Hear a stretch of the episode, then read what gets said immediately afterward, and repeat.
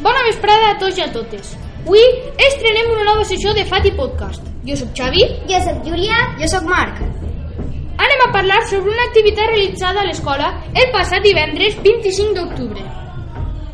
Tots els alumnes, amb els pares i mestres, van fer la segona marxa al voltant de l'escola per a lluitar contra la leucèmia infantil. Després, feren un esmorzar solidari amb tots els aliments que havien portat els alumnes. Tots els diners recauda, recaptats aniran destinats a la Fundació 1 en 13.000.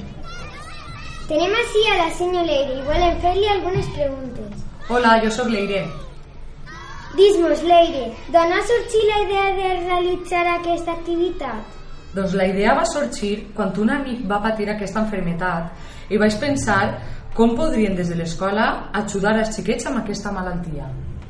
Creus que és positiu per als xiquets i xiquetes fer aquesta marxa?